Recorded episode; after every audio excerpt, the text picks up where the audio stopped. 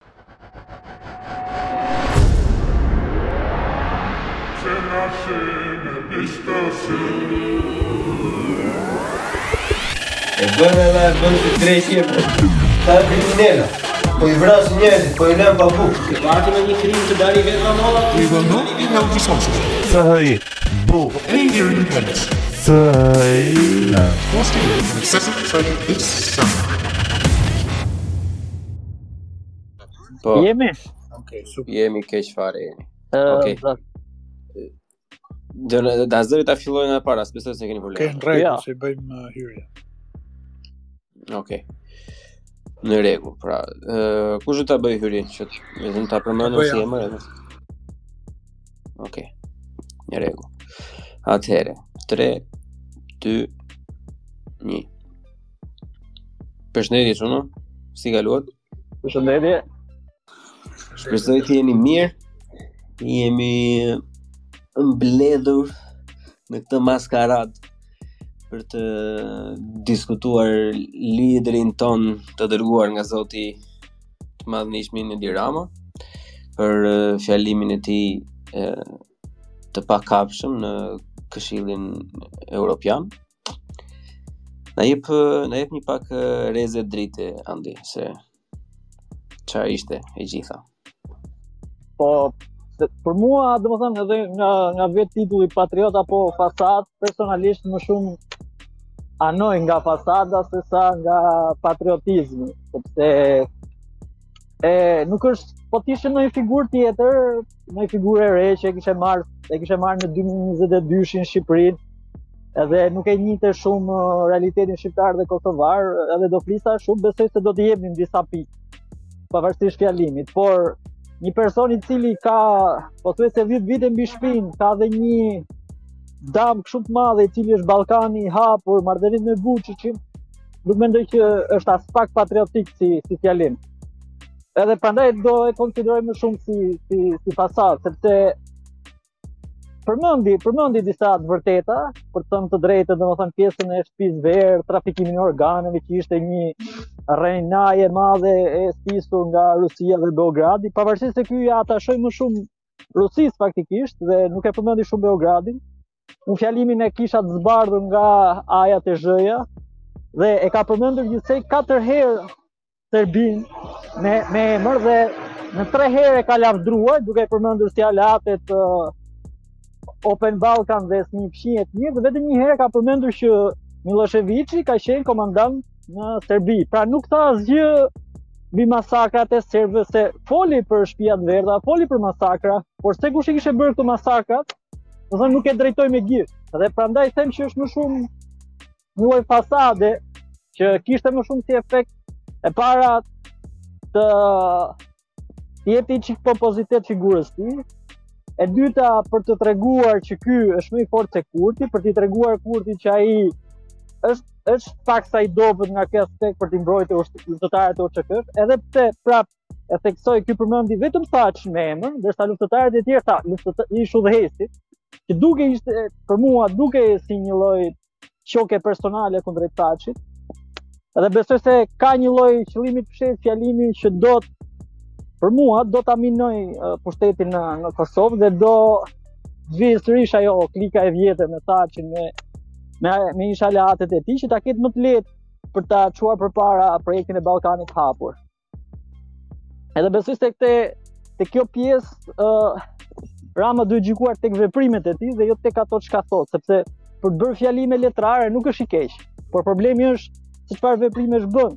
Sepse është i njëjti që sot bën fjalime me figura letrare dhe nesër shkon e ulet me Vuçiçin, ndërkohë që hedh Haradinajn në gjyq, ndërkohë që Vjosës as nuk i flet, edhe nga ana protokollare e përjashton me me Kurtin ka ë uh, kritika të ndryshme deri te idiot idiotësia e sotme që e i bën te Sy Mbyllë sikur ishin të dashur do të thotë për mua kanë më shumë rëndësi veprimet se sa fjalët do doja një udhëheqës i cili nuk fliste dhe aq bukur ndoshta nuk bënte këtë pompozitetin para kamerave në Komisionin e Evropës, por ama bënte hapa përpara në raport me në raport me Kosovën.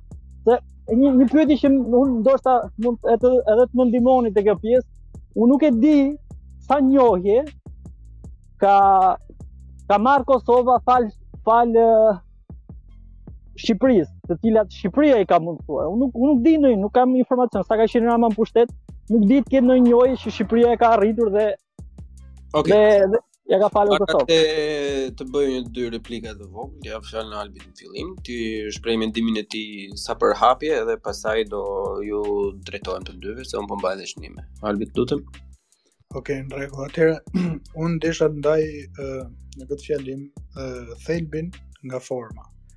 Dhe do ia nis nga forma. Dhe forma për mendimin tim kishte disa pika pozitive dhe kishte edhe disa pika negative. Pikat pozitive për mendimin tim duke pa dhe reagime, duke pa dhe komentet e njerëzve dhe deri diku ekzaltimin nacionalist në Kosovë edhe në Shqipëri te mbështetësit e Ramës, janë që Europa ndoshta ka nevojë të dëgjojë disa të vërteta. Domethënë, uh, themi të vërtetën, ndoshta Europa ka nevojë të dëgjojë se sa shumë ka qenë ajo e ndikuar nga Rusia, që ajo ka bërë rezoluta e nxitur nga Rusia, që ka miratuar rezoluta të cilat e stigmatizojnë popullin shqiptar si një popull kasapësh që bën krime të tmerrshme. Dhe ë për këtë jemi dakord, por forma po ashtu kishte disa probleme. Problemi i parë është që një fjalim aq i gjatë ishte aty pa vend sepse aty nuk ishin mbledhur për një rezolutë për Kosovën. Aty ishin mbledhur për ta dëgjuar Ramën dhe ata eurodeputetët ishin gati për t'i bërë pyetje, por nuk ishin gati fare, ju erdhi si rrufe në qiell të hapur, sepse nuk e prisnin këtë super fjalim alla Gaddafi. e dyta e formës është arroganca dhe mungesa e mirësjelljes. Mirësjellja është bazike në këto marrëdhënie.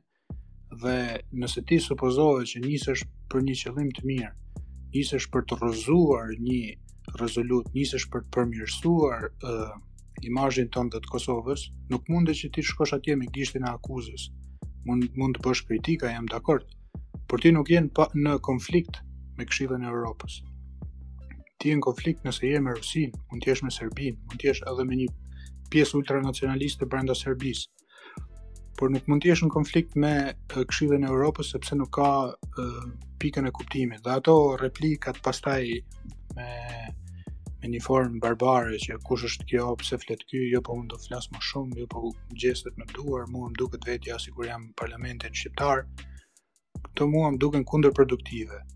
Nuk më duket se na ndihmojnë ne dhe nuk më duket se e ndihmojnë Kosovën. Më duket si një show uh, pa kuptim.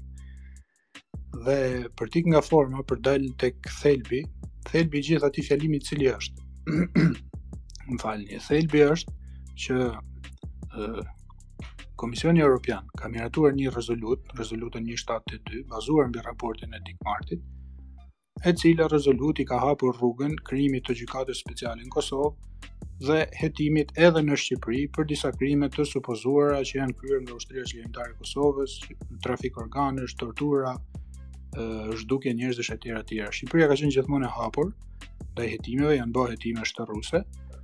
Dhe në Kosovë është ngritur gjykata speciale mbi këtë premisë. Dhe gjykata speciale është ajo e cila ka marrë Thaçin në Hagë dhe e gjykon. Duhet ta sqarojmë që gjykata speciale është një gjykatë e Republikës Kosovës, edhe pse është në Hagë me gjyqtarë të huaj. Është ndërtuar nga ë uh, ligj, ligji i miratuar dhe i ratifikuar në Kuvendin e Kosovës. Nuk është një imponim nga jashtë, është një gjykatë e cila është mbrojtur nga Thaçi, është kërkuar me insistim madje dhe supozohet që të sqarojë gjithë problemet që UÇK-ja mund të ketë patur ose mund të mos ketë patur me ë krimet kundër njerëzimit. Kjo është e para dhe nëse ë shteti i Kosovës ka dëshirë që të ta zhbëj këtë gjykat, vend që të shkoj dhe të zhbëj rezolutën prej nga doli kjo gjykat, mund ta bëjë shumë thjesht në kuvendin e vet, të mbledhë votat dhe ta rrëzojë atë me një ligj, siç e ka bërë ligjin, mund ta shfuqizojë ligjin, po këtë nuk e bën dot, sepse e ka tentuar ta bëjë në 2017 në 2018, dhe ndërkombëtarët kanë, kanë reaguar në një mënyrë të ashpër, kanë thënë kjo është një thikë pas shpine kundër nesh, kjo është e tmerrshme, kjo është e rrezikshme, e tjera, e tjera. Pra, gjykata nuk zhbëhet, pra, procesi gjyqësor ndaj Hashim Thaçit dhe Kadri Veselit dhe Jakup Krasniqit dhe e, e harrova Rexhep Selimit, do të vazhdojë dhe Salih Mustafës e të tjerëve, do të vazhdojë. Ata do të dënohen ose do të dalin të pafajshëm, këtë nuk e luan as topi dhe këtë e tha edhe Rama.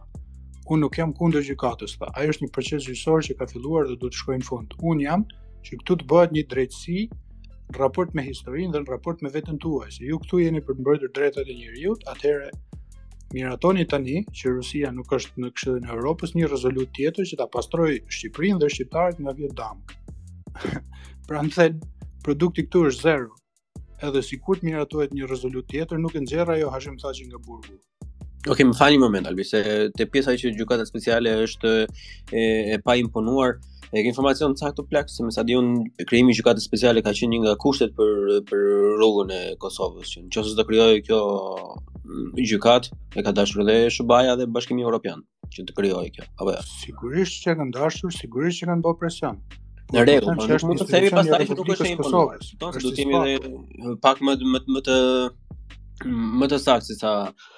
ë uh, ku dëgjon Ramën apo të tjerë domethënë. Domethënë që nuk është e paimponuar, është e imponuar.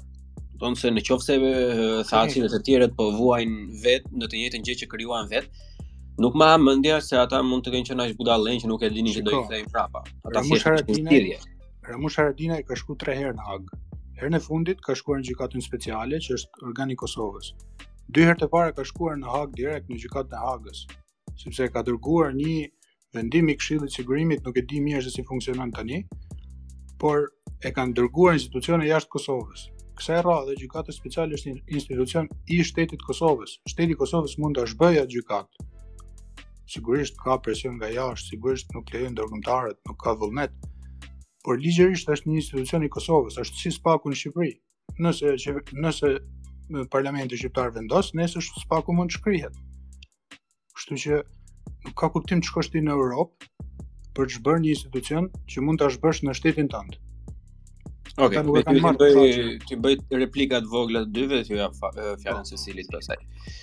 Ehm, um, nga ana e parë, domethënë nuk e di, do të më korrigjosh më vonë Andi, por duket sikur nuk pe asnjë anë pozitive të kësaj. Unë të tregojmë çfarë brutal tek pjesa e parafrimit dhe të bëj atë pyetjen që Ore, mos e kishim hak këtë Ramën e kupton, mos e kishim hak se kemi gjatë gjithë kohës, domethënë që jemi të përulur, jemi Europë, jemi jo. Ne vetëm Europën duam, jemi i vetmi komb në Ballkan që luan vetëm me një anë, kur Serbia për shembull luan me SHBA-n, me Bashkimin Evropian, me Rusinë, me Kinën në të njëjtën kohë.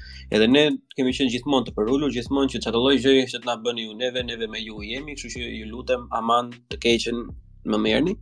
E tani erdhi një moment që të ishte gjithë ky mllefi offload, arsyen sepse u bë, unë personalisht nuk e di. Por nuk më duket e gjitha në tërësi negative. Sepse unë nuk mendoj që asnjëri nga ne ose nga nga politikanët që na përfaqësojnë ne, domethënë nuk e kanë ngritur ndonjëherë këtë çështje në në në baza diplomatike apo në rrugë të drejta. Edhe duke e lidhur dhe pjesën e gjykatës, është e Kosovës apo është një institucioni tjetër apo një shteti tjetër apo Bashkimit Evropian. Kjo ka pak rëndësi për mua tani sepse ajo gjykatë është aty dhe siç e tha Albi, ajo nuk ikën. Domethënë nuk mund ta zhbëjnë dot.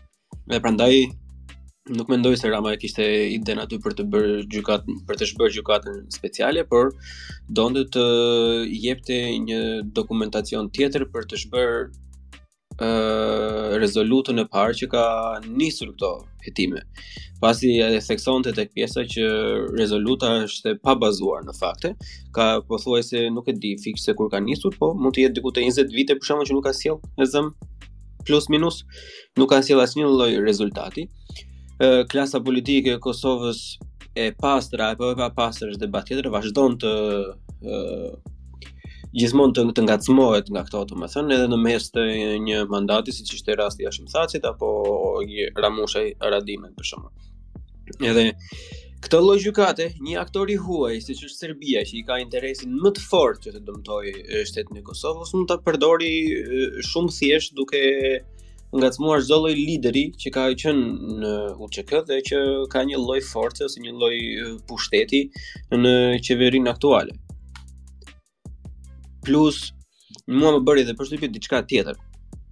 Në fjalën që mbajti i, i dërguari i Zvicrës për shembull tha që nuk janë të drejta sepse zoti Dick Marty edhe pse me sa duh me sa tha Rama e kishin bërë me fjalë të gjithë që nuk do ta përmendnin emrin direkt, por gjithsesi është temë tjetër. Është është bërë nga ky komision dhe duhet respektuar edhe tani do vijojmë të presim se çfarë do të vendosi organizata ose organi e, ligjzbatues si Gjykata tani, këtë argument unë personalisht jo se jam i mënçur, por unë e shikoj si argument idiot. Sepse i bie që Komisioni Evropian çfarëdolloj rezolute t'i vënë ata përpara, domethënë do t'i futet t'i miratojë edhe vazhdon të merret t'ia zgjidhin për gjykata sepse ky rezolut u, u konfirmua dhe në qoftë se s'keni frikë, s'keni pse të keni frikë, nëse s'keni bërë gjë do fitojë drejtësia. E kupton që kjo është budallik, është njësoj si ajo pjesa e telefonave, që s'ka problem pse të ma përgjojë mua telefonin, unë s'kam bërë asnjë gjë. E kupton është për mua si person e njëjta gjë sepse ajo e dëmton shtetin dhe individët dhe moralin e popullit për të ecur përpara, edhe reputacionin e popullit për të ecur përpara. i dëmton të gjitha në një mënyrë që është e vështirë të rikthesh, e kupton? Është jashtëzakonisht shumë të rikthesh. Unë këtë pjesë e shikoj, është një nga gjërat e pakta, gjëra që shikoj pozitive te ky fjalim, por këtë pjesën e shikoj si goxha pozitive, domethënë duke mos sulmuar direkt gjykatën, por duke sulmuar atë strumullarin e të gjithë kësaj që është ajo rezoluta apo raporti i Dick Martit. E kupton? Tani nuk e di se si e mendoni ju këtë pjesën. Andi, Ok, jo, për të sqaruar diçka, unë nuk thashë që nuk kishte gjëra pozitive, përkundrazi kishte goxha, domethënë gjëra pozitive. Ta ta them, kishte gjëra të cilat qëndronin, qëndronin goxha. Por problemi është mënyra siç e tha dhe Albioni se si u tha dhe konteksti në në atë që u arrit, sepse pjesa e e fjalimit të tij për uh, Shtëpinë e Verdhë të gjitha qëndronin. Po ashtu një gjetje e bukur e tij ishte krahasimi me Zelenskin dhe çfarë do ndodhë pas luftës. Por ama, ajo që, që ndodh është që uh, rezolutat nuk është se kanë fuqi kështu, uh, le ta themi mbarëbotërore, super, uh, se po shikojmë që po bëhen rezoluta edhe kundrejt Rusisë, por nuk është se kanë një, një, një fuqi kështu direkte. Problemi është që ça ça erdhi nga ajo rezolut. Problemi është që nga ajo rezolut erdhi që u bë uh, kaloi në në në parlament dhe pastaj u ngrit uh, uh, grupi hetimor megjithëse u bë raporti i Dick Martit. Kjo s'i janë saktë. Çështja çështja që që shikoj unë këtu është që Rama a duhet që këtë presion ta ushtronte me një formë tjetër, a duhet që ai të vepronte më shumë në mënyrë institucionale se sa të bënte kështu fjalime tek e tuk, sepse nga gabimet që mendoj unë që ka bërë ai është moskonsultimi me Kosovën se nusja në këtë rast është nuk mund të bëhet dasmë pa nusen e cila ishte Kosova.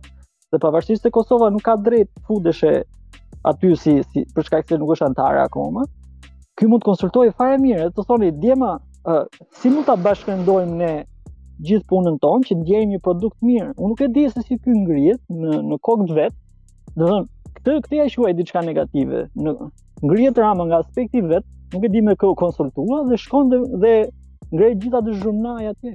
Për mua kjo është çështja që e shikoj gabim, nuk e shikoj te gjërat që tha, sepse shumë gjëra që tha qëndronin. Po si ka mundësi që nuk bashkohen dot as me Kurtin, as me Vjosën, as me ish ndoshta edhe luftëtarë të UÇK-së janë që janë në në Kosovë dhe që në, në ish qeverisje. Sepse është një lloj sikur të ngrihet dikush të flasë për ty pa e ditur ti se ça se ça po thuhet.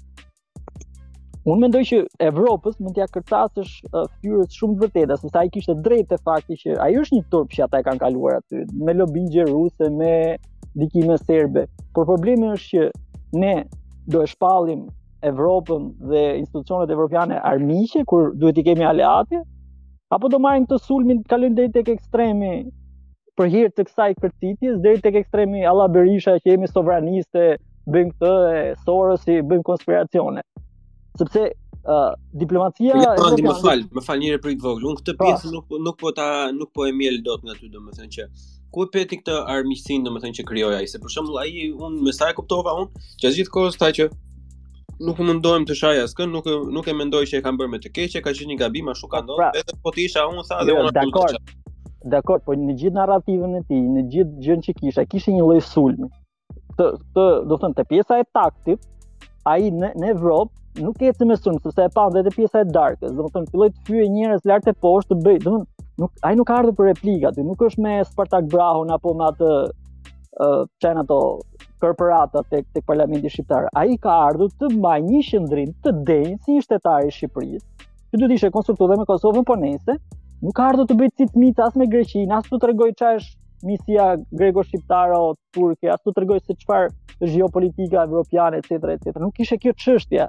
Domethënë ai mund të kishte qenë shumë konciz, shumë shumë i qartë, shumë i qetë, por ishte shumë nervoz te gjërat, shumë pompoz, shumë te kjo pjesa Buddha Freedom, besoj e besoj se është pjesa që ai nuk është konsultuar realisht me njerëz që marrin vesh nga diplomacia, por ka bërë këtë showmenin e madh, sepse në fund duket produkti.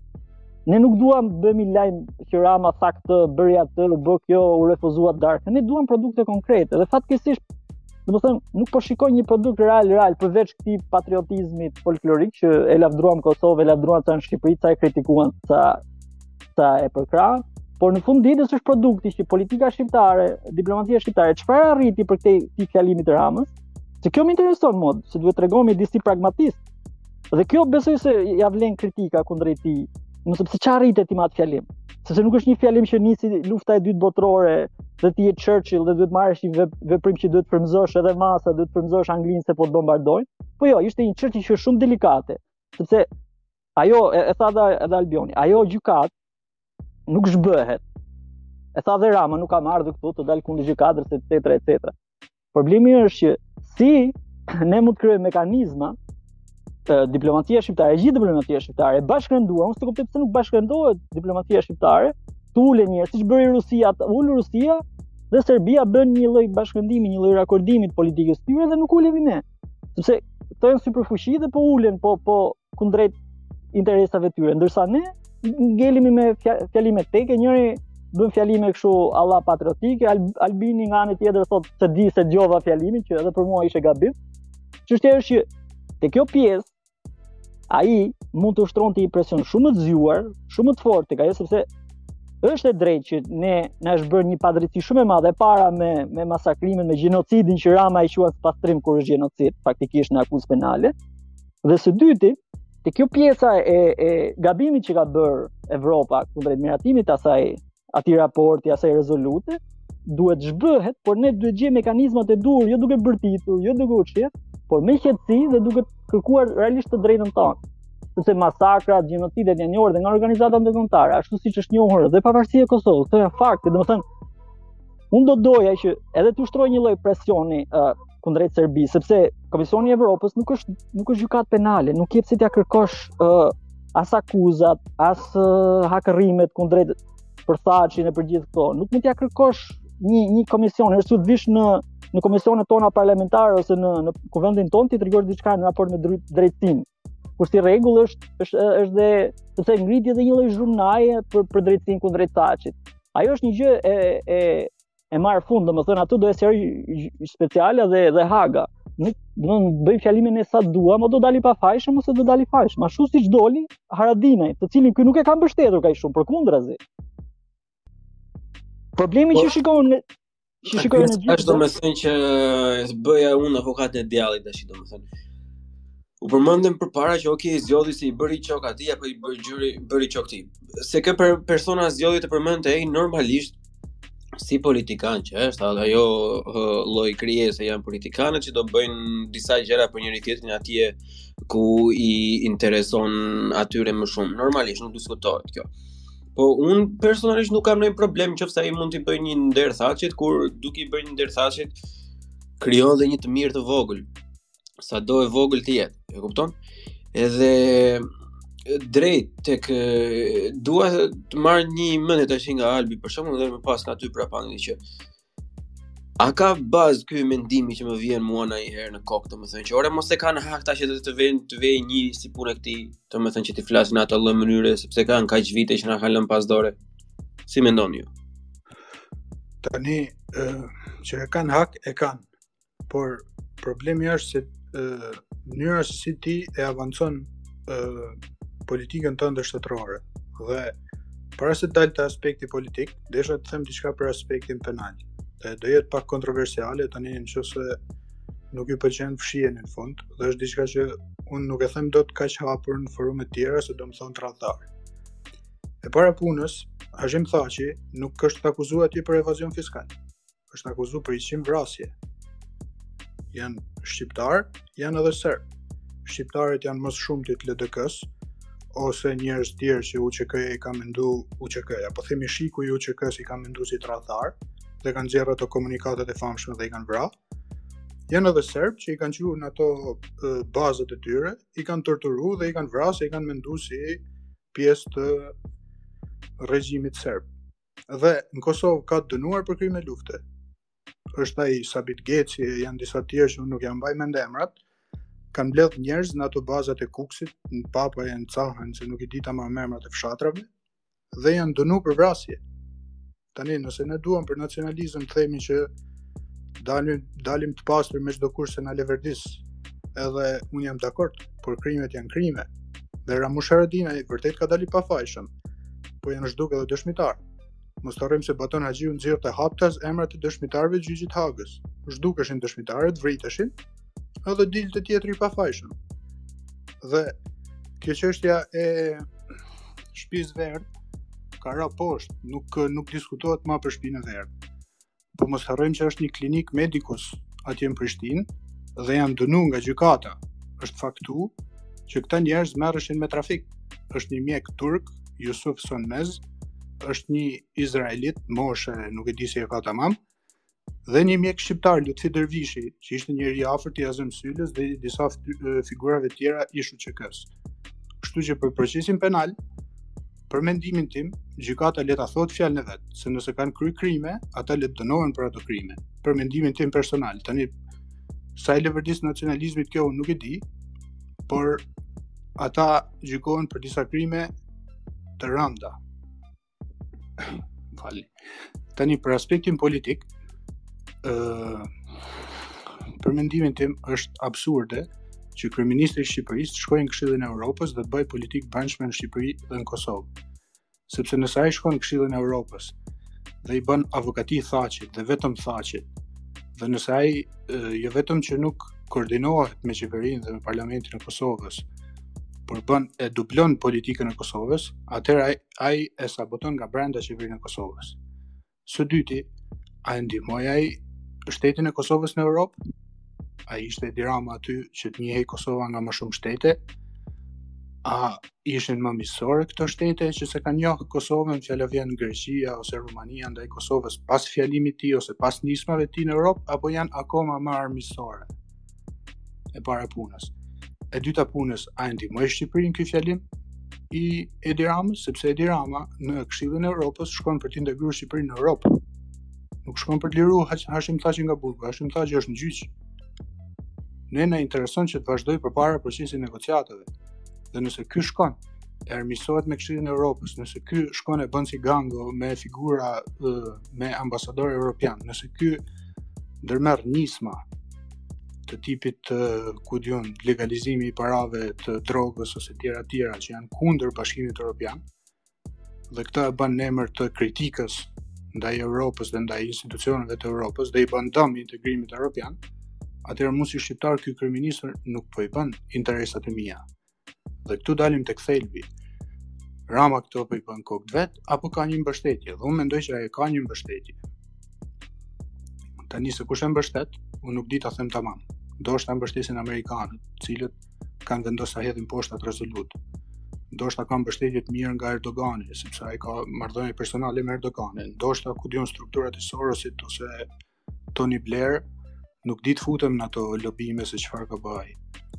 Por unë mendoj që ai e ka një mbështetje ndërkombëtare edhe për t'i fol haptas, nuk po them për ta sfiduar, por për t'i fol haptas Evropës. Dhe nëse e ka këtë mbështetje ndërkombëtare, do ishte shumë mirë që ta që ta përdorte, ashtu siç e përdori kur erdhi puna për hapjen e negociatave, që e shau Bullgarinë, i bëri presion dhe ndoshta dhe ai presion funksionoi, shumë mirë do ta përdorë për të avancu kauzën e Shqipërisë. Po jo ta përdorë këtë kapital politik ndërkombëtar për të dal vetë si lider global atje, për t'i bë presion një gjykate e cila tashmë është ngrit dhe po heton dhe po thërret dëshmitarë dhe po heton krime, është absurde t'i bësh presion asaj gjykate në këtë moment. Ja pra, më fal që të ndërpres pra. Këtë pjesë nuk po e kuptoj domethënë, në cilën pjesë të fjalimit të tij domethënë, gjendet ky presion ndaj gjykatës. Po tha pra, është si Josef K. Ai është një proces që nuk ka akoma, nuk ka akoma akuza. Hashim Thaçi, Për Hashim Thaçin janë dy vite që bëhen hetime. Thirren dëshmitarë, thirren ish bashkëpunëtorë, thirren komandantë dhe mblidhen prova e prova e faqe e faqe nuk e di se sa mijëra faqe janë mbledh atje. Dhe në fund do ngrihen akuza sepse këto lloj gjykatash ngrejnë akuzë vetëm kur janë pothuajse të sigurta se do shkojnë drejt dënimit, nuk ngrejnë akuzë si gjykatet e Shqipërisë që hajde ta shohim pastaj se ça do ndodhi. Dhe ai e quante këtë proces absurd dhe po thoshte pse të shkojë ky si Zel si Zelenski, mendoni Zelenskin sikur shkon në gjyq, ose mendoni George Washingtonin sikur shkon në gjyq. Po e po e trajtonte si një teatër të absurdit këtë gjykatë. Ky është sulmi ndaj saj. Dhe ai tha, unë nuk e zhbëj dot, por në një mënyrë po i bën presion atij procesi në mënyrë të tillë që Hashim Thaçi të dali i pafajshëm. Unë do isha i lumtur nëse të gjithë ata dalin të pafajshëm. por nuk jam i lumtur nëse bëhet një presion politik i njëanshëm i Ramës bashkë me krahun e Hashimit, të cilët dihet që ishin aleat të Vuçiqit për shkëmbime territoresh dhe për shumë projekte, në kurriz qeverisë së Kosovës të Albin Kurtit dhe në kurriz të mënyrës se si unë e mendoj kauzën kombëtare sot. Unë e mendoj kauzën kombëtare sot që ecën në drejtimin që po shkon Albin Kurti, në drejtimin ta kundërshtojmë Ballkanin e hapur, në drejtimin mos t'i bëjmë lëshime Serbisë, mos përpiqemi ne që t'i japim atyre asociacion për t'i fut ata në BE dhe në NATO, por të mbajmë ne interesin tonë kombëtar. Kështu funksionon për mendimin tim. Tani për mendimin e Ramës këto janë budallëqe sepse ne duhet të pajtohemi me Serbinë, Serbia duhet të futet në NATO, duhet të futet në BE, t'i bëjmë ndonjë lëshim dhe të arrijmë paqen përfundimtare. Okej, është një vizion. Por ti mos e bëjnë në kurriz të Kosovës këtë punë. Nuk nuk mundet me lëshu më po, Kosovën. Po dikush mund të thoshte për shembull, për pjesën që nuk foli fare për Serbinë dhe që nuk e përmendi shumë, domethënë. Meqë të gjithë ato po e quajmë një shfaqje, domethënë, edhe unë jam një, te një nga personat që mendoj se në pjesën më të madhe ishte një shfaqje, Në një prizëm mendoj që thjesht nuk e ka përmendur Serbinë ose Vuçiçin ai shpesh, domethënë, për faktin që mbase nuk ka dashur t'i nxjerrë si antagonist, pasi janë, ata janë aktivë tani, dhe një, në një farë mënyre u mundua që T'i jepte shpresa që juve nuk jeni si ai kasapi që ka qenë njëri një kohë, domethënë, kështu që ju jeni më të pjekur, e kupton, po jepte pak si leksione, domethënë që mos u bëni dhe ju si ata tjerë, do t'i vinte në një pozicion të ngushtë. Sa e, sa problematike është kjo tani? Shiko, a ta them shqeto ose çfarë mendoj unë? Unë mendoj se Rama me uh, Vuçiçin është aleat. Aleat jo në kuptimin që ai ka vendos personalisht, po aleat sepse amerikanët atë e shtyjnë që ta mbështesë Vuçiçin, sepse të tjerët që janë në Serbi, po t'ik Vuçiçi vijnë akoma më ekstremistë se Vuçiçi. Prandaj amerikanëve u intereson që Serbia të largohet sa më shumë të jetë e mundur nga Rusia, të bëhet një vend sa më pro-perëndimor. Dhe si mund të bëhet një vend sa më pro-perëndimor duke u integruar në Bashkimin Evropian? Mos harrojmë se në Serbi aprovimi për t'u integruar në Bashkimin Evropian nga vetë populli është diku 40%. Nuk është si tek ne 80-90%.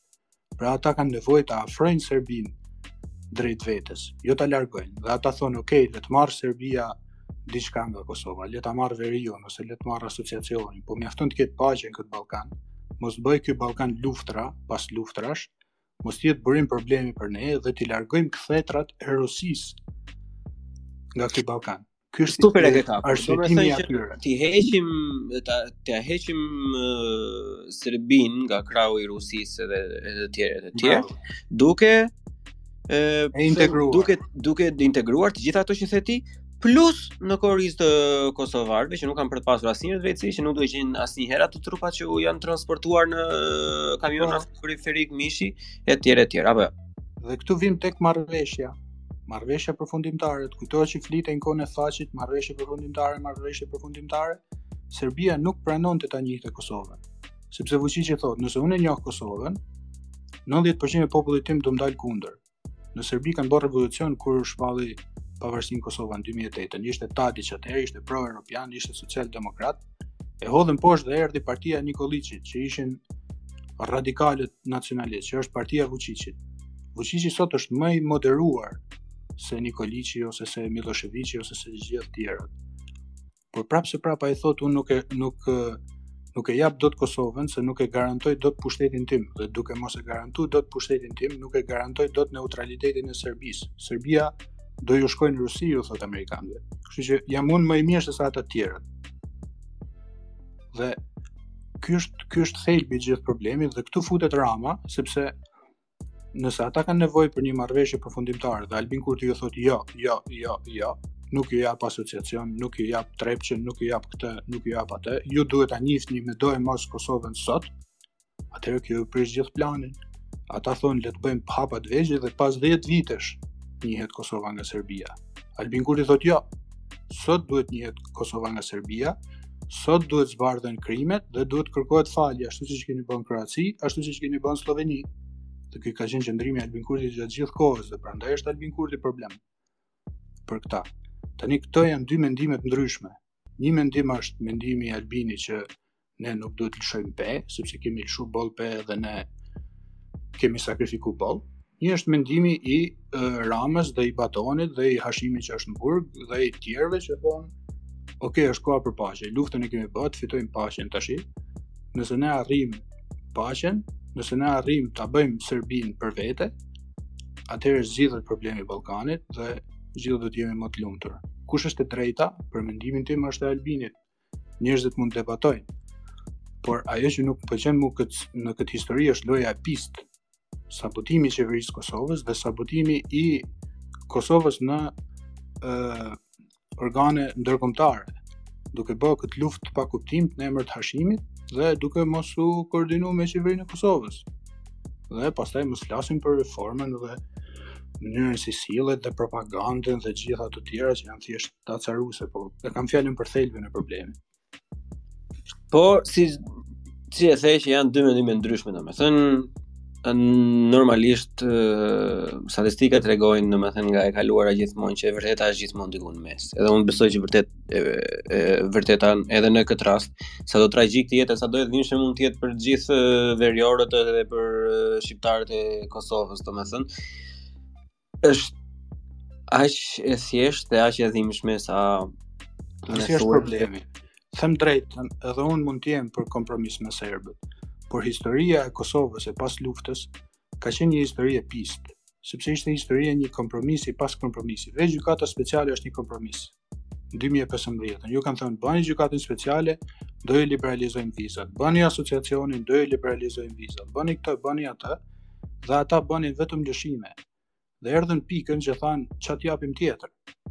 Erdhën pikën që Boltoni erdhi atje dhe donte edhe ta ndante Kosovën, t'ia hiqte Trepçën që është gjithë ajo pasuri, ta hiqte Mitrovica, edhe të zgjidhte problem. Pra, Kosova është është trajtuar si plaçkë. Dhe drejtuesit e Kosovës, Hashimi me të tjerët, janë jo vetëm të korruptuar, por janë edhe kapot e mafias. Ka raporte për këtë punë. Dhe kjo nuk më pëlqen mua tek ata. Nuk është puna që unë nuk e du kompromisin, po mënyra se si janë sjell, kulisat, hilet dhe e, korrupsioni ekstrem i bën ata të pa jo të besueshëm për mendimin tim. Okej, okay, Andi, uh, tek uh, pjesa që ta, që ta hapim pak muhabetin nga krahu tjetër. Në një moment kur përfaqësuesja e Greqisë Nina diçka uh, i bën një pyetje domethënë që për mua ishte interesant.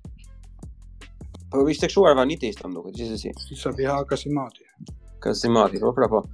Nëse greke e quan veten ajo, greke do e quajmë edhe ne për të qenë mm -hmm. politically correct. Ë, pyetja që bën zonja një parafrazim i dobët nga ana ime është në qoftë se neve ju ndihmojmë juve për në bashkimin europian, pse duhet të vazhdojmë duke meqenëse ju jeni shokë të ngushtë me Erdoganin, jo vetëm si person, por edhe si shtet etj etj.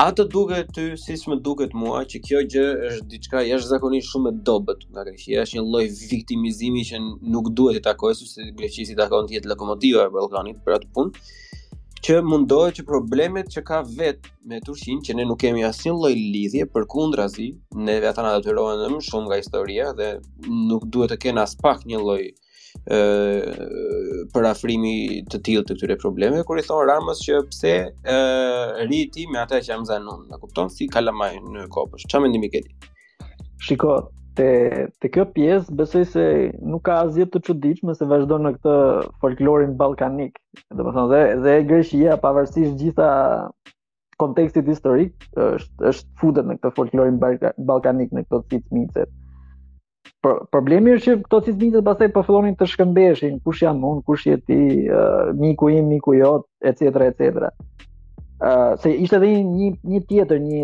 një deputet grek që po pyeste na ka premtuar Zogu diçka në Sarandë, ca budallëqe që ishin të pavënda për për për atë diskutim aty.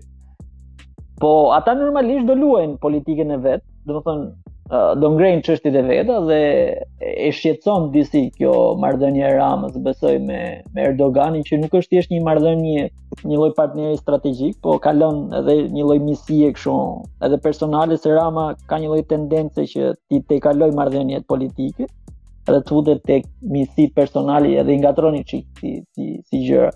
Po besoj se janë reagime që nuk janë të vështira për t'u zhbërë kështu.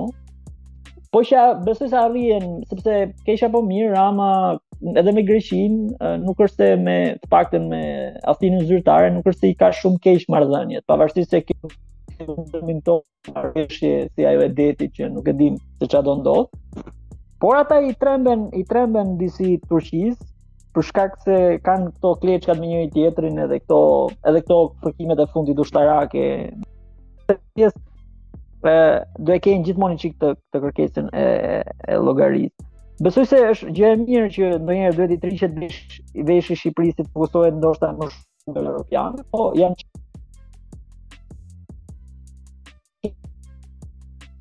Po doja të theksoja se marrë punë po të një gjë që tha Albioni është qysh qysh uh, herët Shqipëria edhe përpara pavarësisë tonë, ne kemi qenë në mëshirë të fatit kundrejt fuqive të mëdha dhe na na kanë parë si një lloj kolaterali ose diçka me të cilën mund të bëjnë çfarëdo të duan, mund të na ndajnë, mund të na vendosin kufijtë siç duan, edhe me Kosovën, të njëjtën gjë po bëjnë sot që për hir të stabilitetit rrezikojnë shumë pjesë të Kosovës, shumë interesa të Kosovës, mjafton që Ballkani të mos jetë më ajo fuçia e barutit. Dhe unë besoj katërcipërisht se Rama është shumë, jo pak, por shumë i mbështetur nga SHBA dhe besoj se ekzistojnë dy lidera në rajon, të cilët janë po them nga mënyra nga qasja pragmatiste, dy persona të cilët garantojnë stabilitetin e rajonit, të cilët janë Vuçiç dhe Rama, njëri i botës shqiptare dhe tjetri i botës sllave. Të dy këta liderë janë futur nën sqetullën e SHBA-s dhe SHBA-ja do, duke edhe u tërhequr veshin, duke i lejuar që të jenë edhe autokratë në vendin e tyre, për hir të kësaj status quo, të mos mos kemi një demokraci, po të kemi një lloj autokraci edhe në Serbi dhe në Shqipëri, që për hir të një stabiliteti që e, e, edhe një lloj stabiliteti më tej në në rajon se sa një vit, dy vite, ose po të kemi një stabilitet shumë më të gjatë. Edhe besoj se prandaj po i lejojnë shumë gjëra të dy liderëve. Ata duan, edhe unë po e shikoj në shumë deklarata, në shumë qasje që Serbinë duan ta tërheqin kah perëndimi, dhe jo drejt Rusisë, sepse nëse e e e lënë të lirë, populli serb para pak kohësh donin që NATO mos kishin asnjë lloj raporti me NATO, ose mos mos mos futeshin fare në BE. Problemi është që mos mos e çojnë dhe kundrejt ë uh, kundrejt në në krah të Rusisë dhe prandaj po i bëjnë presione, prandaj po i japin karamele, po bëjnë një lloj politike edhe BE-ja, duke i dhënë edhe me çështjen e integrimit, duke bërë ndonjëherë edhe presione me heqje vizash edhe me me gjëra të tjera që shiko, hajde nga ne se këtu e ke interesin. Dhe besoj është e drejta që tha, është një një lojë kështu një një shah shumë i vështirë sepse mund të anojë edhe nga politikanë të cilët janë shumë ekstremistë në në Serbi, të cilët mund ta anojnë komplet uh, pushtetin uh, në raport me me me marrëdhënien një lloj shkëputje totale nga nga bota perëndimore. Problemi që shikojmë këtu është që kjo gjeopolitikë që SHBA-së i intereson shumë, intereson për në në fillim në për interesat e veta sepse do të krijojë një rajon gjeostrategjik edhe me vendosjen e trupave të NATO-s, edhe në Shqipëri me marrjen e, e këtyre të MEK-ut në në Shqipëri dhe dhe stërvitja Defender na ka na ka krijuar një bazë shumë të fortë që Serbia nuk e ka krijuar sepse normalisht është shumë e fortë. Do të krijojë dy pole që përreth tyre bota sllave ish ish republikat jugosllave të përrethohen uh, afër Serbisë dhe bota bota shqiptare të përrethohet përreth Ramës dhe do që këta dy lidera ta çojnë këtë projekt përpara, ndoshta mund të jetë Open Ballkan diçka diçka tjetër, por duan që për hir të stabilitetit ta duan të sakrifikojnë dhe territoret e Kosovës, se ne e pamë që kur kishte liderë të dobët, ndryshe nga Albin Kurti, i cili i ka qëndruar këtyre gjërave më shumë fort, si Abdullah Hoti, i cili u ul aty në, në SHBA, rrinte si kukull dhe i thoshte ai firmos dhe firmosi me, me, me Vuçiç.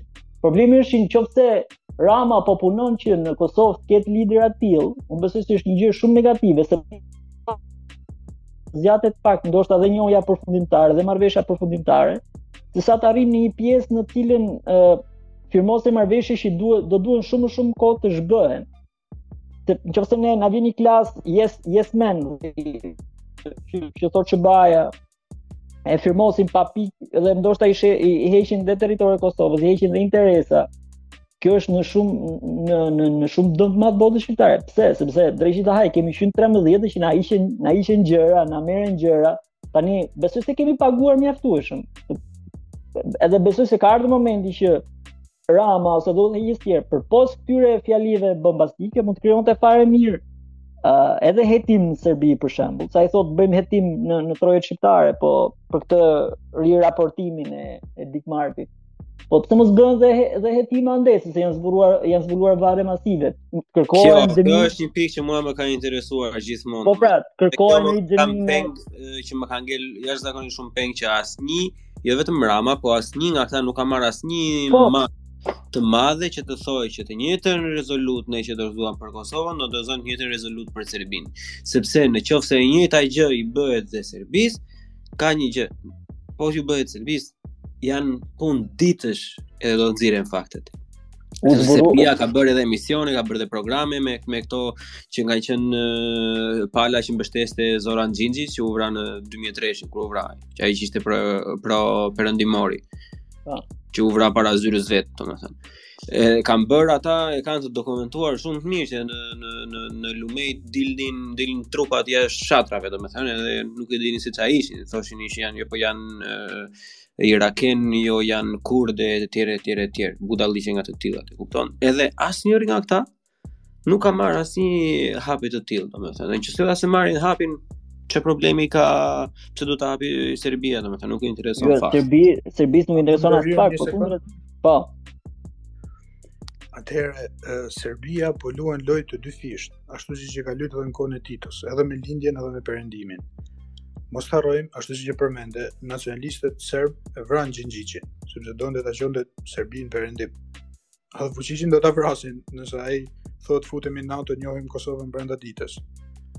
Serbia ka ultranacionalistë, është një shtet që në thelb e ka nacionalizmin. Problemi është që Serbia edhe ajo i thotë perëndimit unë kam bërë lëshime, sepse mos të harrojmë që ishte Vuçiçi që e shiti Sheshelin, e qoi në Hagë. Po, po ai. Ishte Vuçiçi që arrestoi Ratko Mladiç, e qoi në Hagë. Milosheviçin vet i kanë bërë revolucion në dymijshin a kur ishte me Otporin, edhe dërgu në Hagë dhe vdiq atje. Dhe janë edhe disa tjerë të dënuar për krime lufte, nuk ja di emra, por ka disa figura serbe të dënuara për krime lufte. Kështu që Serbia thotë un kam bërë disa lëshime tani dhe un dua të arrij diçka. Nëse keni dëgjuar që thonë Serbia duhet të marrë diçka, Vuçiçi thotë, më jepni diçka që të justifikohem ke populli im, njësoj me Putinin që thotë, ma jepni atë pjesën e Donbasit që të justifikohem ke populli im edhe hajde mirupafshim. Vuçiçi thotë, më jepni diçka që të justifikohem te populli im edhe pastaj unë ju bëj lëshime ju, ju bëj çfarë doni, edhe në të njëjtën kohë ai vepron për sabotimin e shtetit të Kosovës. Në të njëjtën kohë tërheq njohje, në të njëjtën kohë çon trupat atje në kufi, e bën politikën e vet që në marrëveshjen e ardhshme të jetë në pozicion sa më të favorshëm. Kjo është loja e madhe dhe në këtë lojë Shqipëria duhet të ishte në krah të Kosovës kuptimin që ne të jemi në pozicion sa më të favorshëm. Shqipëria do të ishte më ekstremiste.